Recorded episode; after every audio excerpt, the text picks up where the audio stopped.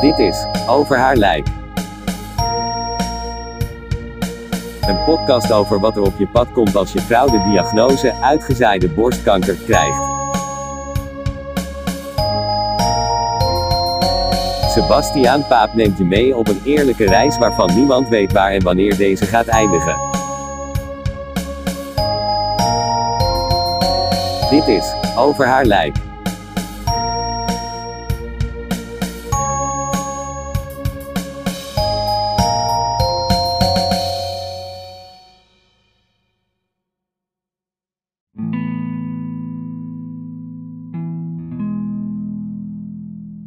Hey hallo en heel erg hartstikke welkom bij de allereerste aflevering van Over haar lijk. Een nieuwe podcast waarin ik je ga meenemen op een reis. Een reis waar ik momenteel middenin zit. Maar waarvan ik geen idee heb wat de eindbestemming is en wanneer dat dan bereikt zal worden. Waar gaat het over? Het gaat erover dat mijn vrouw inmiddels, en ik heb het nu over ehm, februari 2021, ehm, ongeveer een half jaar geleden de diagnose uitgezaaide borstkanker heeft gehad. En dat resulteert erin dat er van alles aan de hand is in het afgelopen half jaar. En daar zit ook nog een stukje voorhistorie aan. En dat alles ga je vandaag horen. Dat betekent ook dat deze aflevering ietsje langer is dan dat ik gemiddeld zal maken, denk ik. Omdat er dus een stukje historie in zit, een stukje voorverhaal. En later worden er toch meer updates van wat is er momenteel aan de hand. Um, ja, het wordt een eerlijk verhaal, het wordt een puur verhaal. Het zal niet geknipt worden en ik zal dus ook af en toe denk ik wel stilvallen. Want het is niet een situatie waar je altijd maar door kan blijven ratelen. Hoewel ik daar over het algemeen best goed in ben. Ja, ik denk dat ik maar bij het begin moet beginnen en dan uh, ga ik teruggrijpen naar augustus van 2018. Dat is inmiddels uh, ja, 2,5 jaar geleden. Dat is uh, ja, begin augustus 2018. Daar begon het, het avontuur. Nee, avontuur, de achtbaan eigenlijk. De achtbaan waar we in hebben gezeten, die een tijdje wat rustiger geweest is. Maar die inmiddels weer volop in de loopingens, loopings, loopingen, loopings en kurkentrekkers zit. Ja, dat is in uh, augustus 2018, daar begon het mee.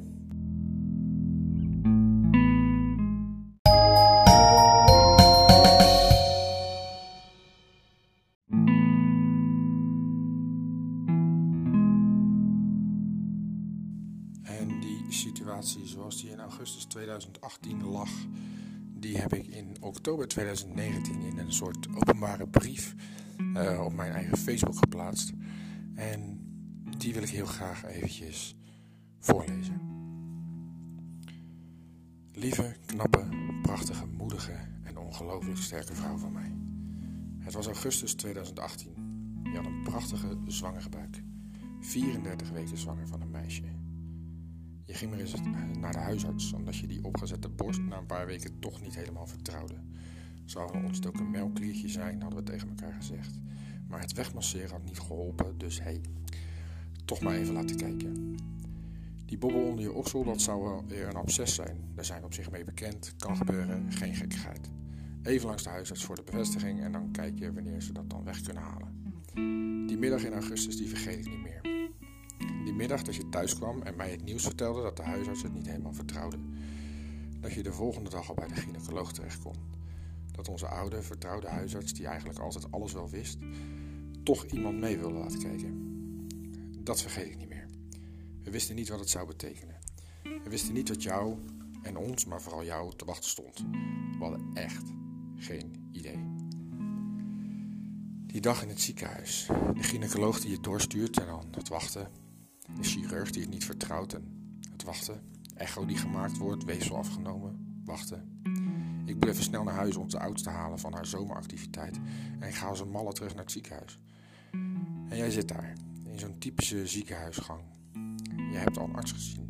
Ik baal dat ik weg moest, want ik wilde eigenlijk bij jou blijven. Je kijkt me aan met rode ogen. Ik kan je blik niet thuisbrengen. Ik slik en ik vraag: wat is het? Hoe staat het ervoor? Je kijkt me stil aan. Het blijft lang stil. En dan slik je en doorbreek je de stilte en je zegt: Het is niet goed. Het is echt niet goed. Ik voel dat het menens is. Ik weet helemaal niks, maar ik voel wel een brok in mijn keel. We worden naar een apart kamertje geleid en we mogen even gaan zitten. En dan breng jij het hoge woord naar buiten. Borstkanker. Dat is nu nog een sterk vermoeden. Borstkanker. Een agressieve en zeldzame vorm. Je bent wel weer een speciaal geval. Borstkanker. Ze moeten wel nog verder weefsel onderzoeken. Borstkanker. Morgen is het weefsel onderzocht en horen we meer. Borstkanker?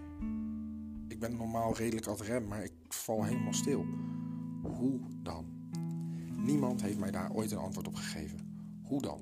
Hoe kan het dat jij met al je chronische ziektes en ellende met je lijf en die al zoveel te verduren heeft gehad, dat je nou ook nog eens kanker in je lijf moet hebben zitten? Hoe dan? Een week later wordt onze kleine dame gehaald.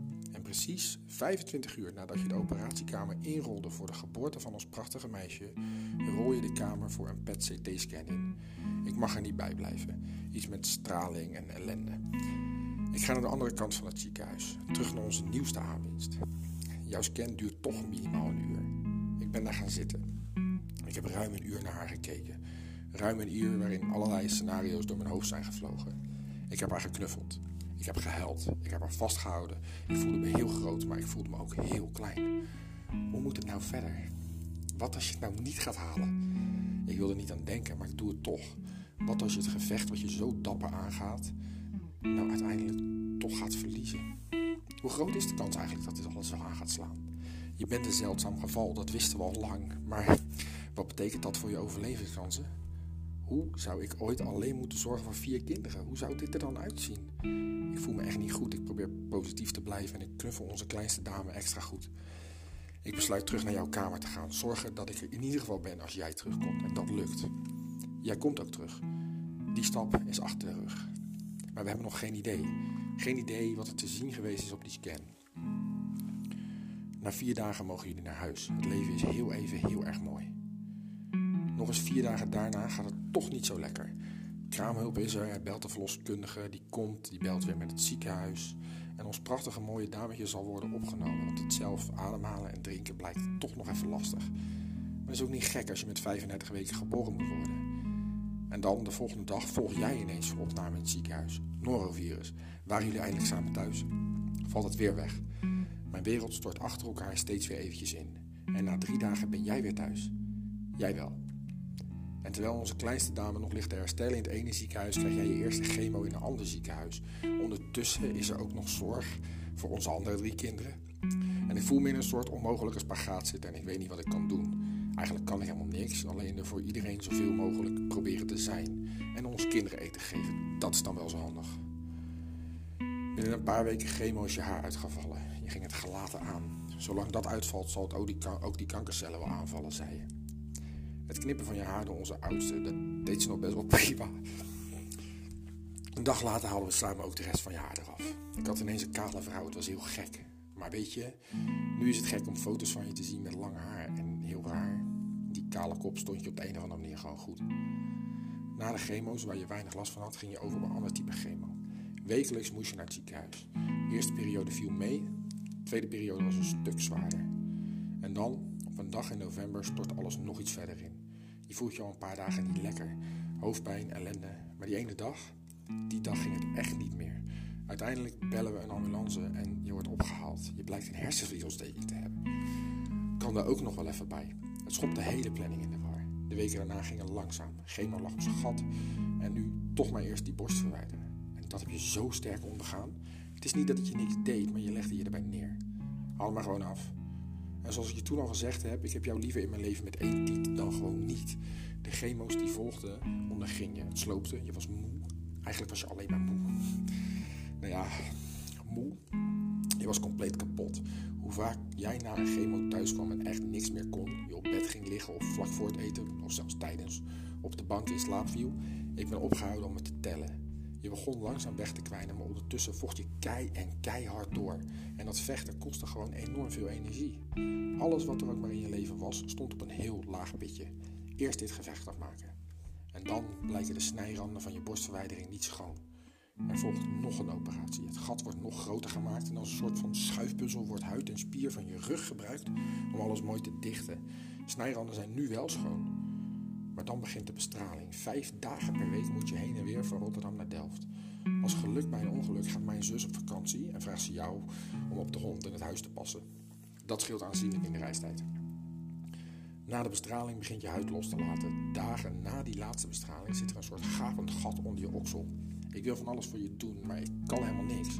Het enige wat ik kan doen is proberen je leven iets draaglijker te maken. Smeersels, verbandjes, aloe vera planten. Ik zoek het bij elkaar. Ik probeer alles, zodat je misschien ook eindelijk eens wat minder pijn gaat hebben. En dan ineens is dat besef daar. Je bent klaar. Op de laatste scan hebben ze het kunnen zien. Je bent schoon. En nu in oktober zijn we een redelijk aantal weken verder. En nog steeds zie ik wat die ziekte, maar vooral de bestrijding van die ziekte met je heeft gedaan. Vanaf het moment dat je de eerste echo onderging tot die laatste bestraling. Je bent dat gevecht zo dapper aangegaan.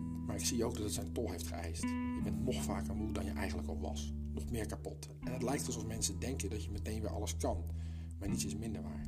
Je wil heel snel, maar je lijf zegt dat je echt, echt rustig aan moet doen. Ik probeer je te ondersteunen waar ik kan. Gelukkig laat je dat toe. Niet altijd. Want soms ben je alles zat en dan wil je dat je alles zelf kan. En dan vind je ook dat je alles zelf kan. Dan probeer je het en dan lukt het verdomme toch weer niet. Ik vind het moeilijk dat te moeten aanzien. Ik wil je helpen, maar ik snap ook dat je alles gewoon weer zelf wil kunnen. Maar het lukt nog niet. Ik zal je dit hele proces blijven ondersteunen. Ik zie wat het alles met je gedaan heeft en ik baal ervan dat ik niks kon doen. Niks anders dan je proberen te steunen.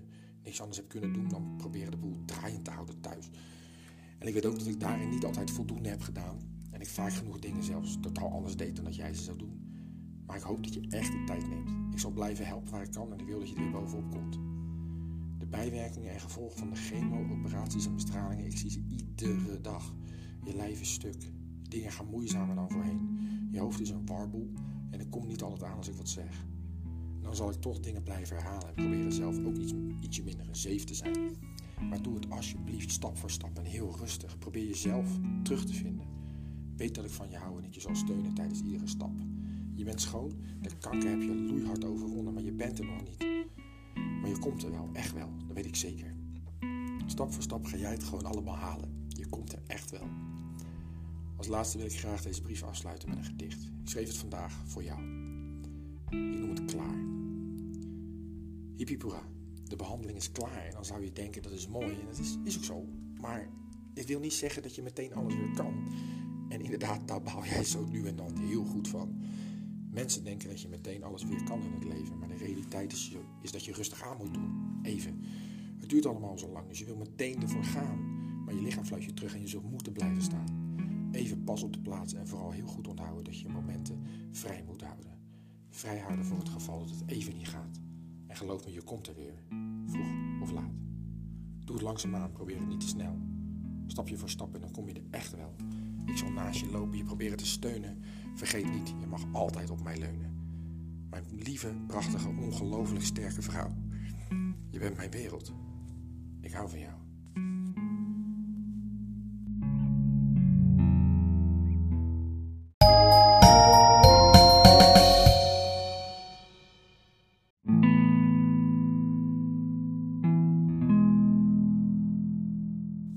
Ja, zoals gezegd was dat een brief aan mijn vrouw uit oktober van 2019. En inmiddels leven we in februari 2021. En dan zou je zeggen, hey, je bent schoon en je bent, gaan, je bent begonnen met het proces van ehm, ja, beter worden. Ja, dat klinkt heel raar, want je bent schoon verklaard.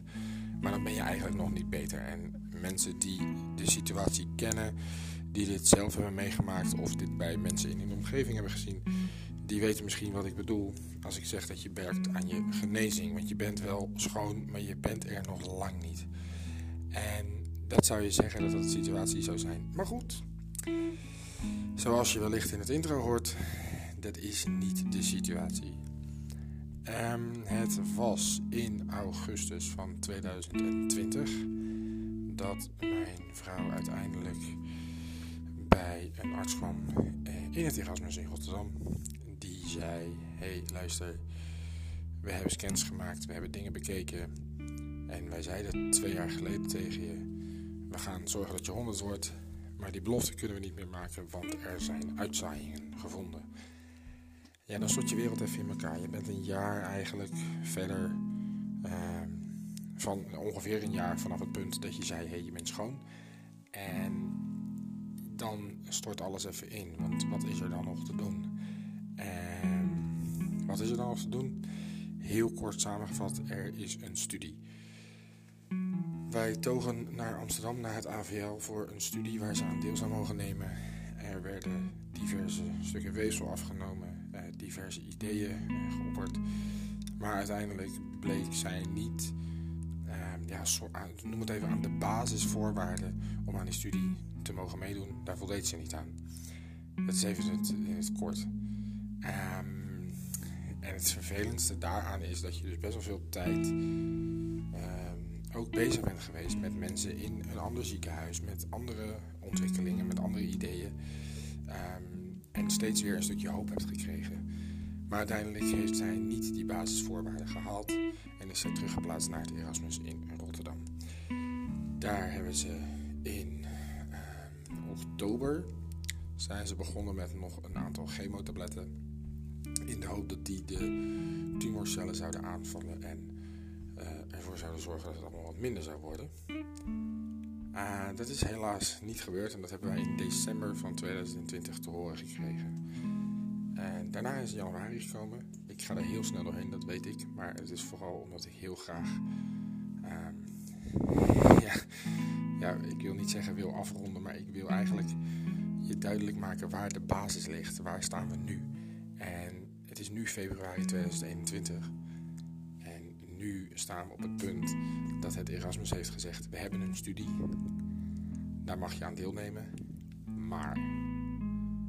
En die maar, dat is ehm, het feit dat haar gezondheid niet, of haar algehele conditie eigenlijk, niet uh, groot genoeg is. Je moet weten dat de uitzaaiingen die er zijn, die zijn gevonden in de lever, um, in het ruggenmerg en op het bekken eh, en in de zenuwknoop ehm, achter de ja, linker sleutelbeen, zeg maar.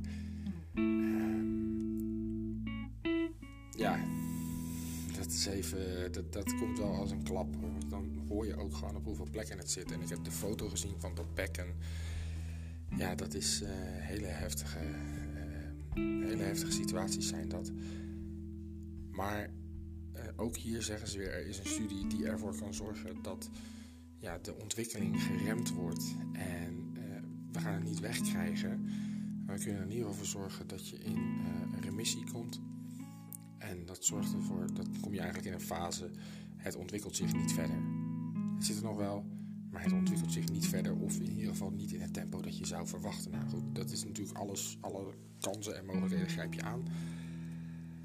Ehm, maar omdat haar algehele uh, conditie te laag is, omdat zij dus die uitzaaiingen op dat bekken heeft en dus eigenlijk niet goed kan lopen, eigenlijk helemaal niet kan lopen. Het stukje van de bank naar het toilet bij ons in huis is eigenlijk al te veel. En dat is een stukje van, nou, eh, laat, het, laat het 10 meter zijn. Eh, maar dat gaat al lastig. En ja, dan, ik zie dat en ik, ik vind dat moeilijk. En ik denk, ik moet hier iets mee. Ik moet haar verhaal ehm, opnemen. En als podcast, ik, ik hou van podcast maken. Ik vind het te gek omdat het een manier is om mezelf te uiten. Maar ik denk, ik moet iets met dit verhaal, ik moet dit kwijt. En ehm, daarom ook deze podcast. Het is misschien een beetje onsamenhangend nu. Uh, en ik beloof je dat ik meer structuur wil gaan aanbrengen in de volgende afleveringen. Bij deze alvast. Om terug te komen. Er is een studie. En voordat ze daar aan deel mocht nemen, moest haar conditie beter zijn. Wat is er nu gebeurd? In de afgelopen periode is zij vijf keer bestraald op dat bekkenbod. Eh, om die cellen aan te vallen. Om ervoor te zorgen dat ze dat bekken weer normaal kan gebruiken. Nou, en als dat, eh, en dat weten we niet, dat zien we over ongeveer twee weken, zien we daar de resultaten van. En als we dan kunnen zeggen, hé, hey, het bewegen gaat makkelijker. En met misschien iets van fysiotherapie gaan we meer kunnen bereiken ja, dan kan ze conditie op gaan bouwen. En dan mag ze deel gaan nemen aan deze studie die in Rotterdam is. En ik hoop van harte dat het lukt. En ik kan je alvast vertellen, als ik daar iets meer over weet, ja, dan kom ik dus bij je terug. En dat is hoe deze podcast in elkaar gaat zitten. Zodra er ontwikkelingen zijn, dan kom ik bij je terug.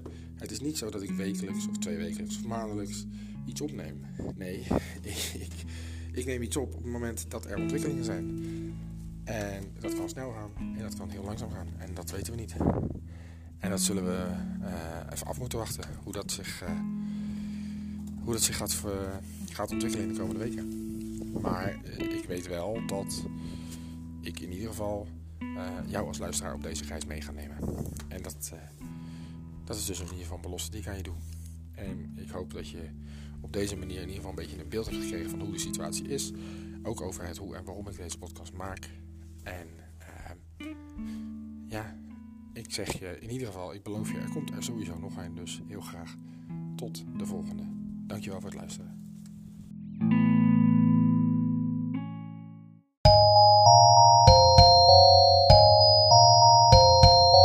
Bedankt voor het luisteren naar Over haar lijk.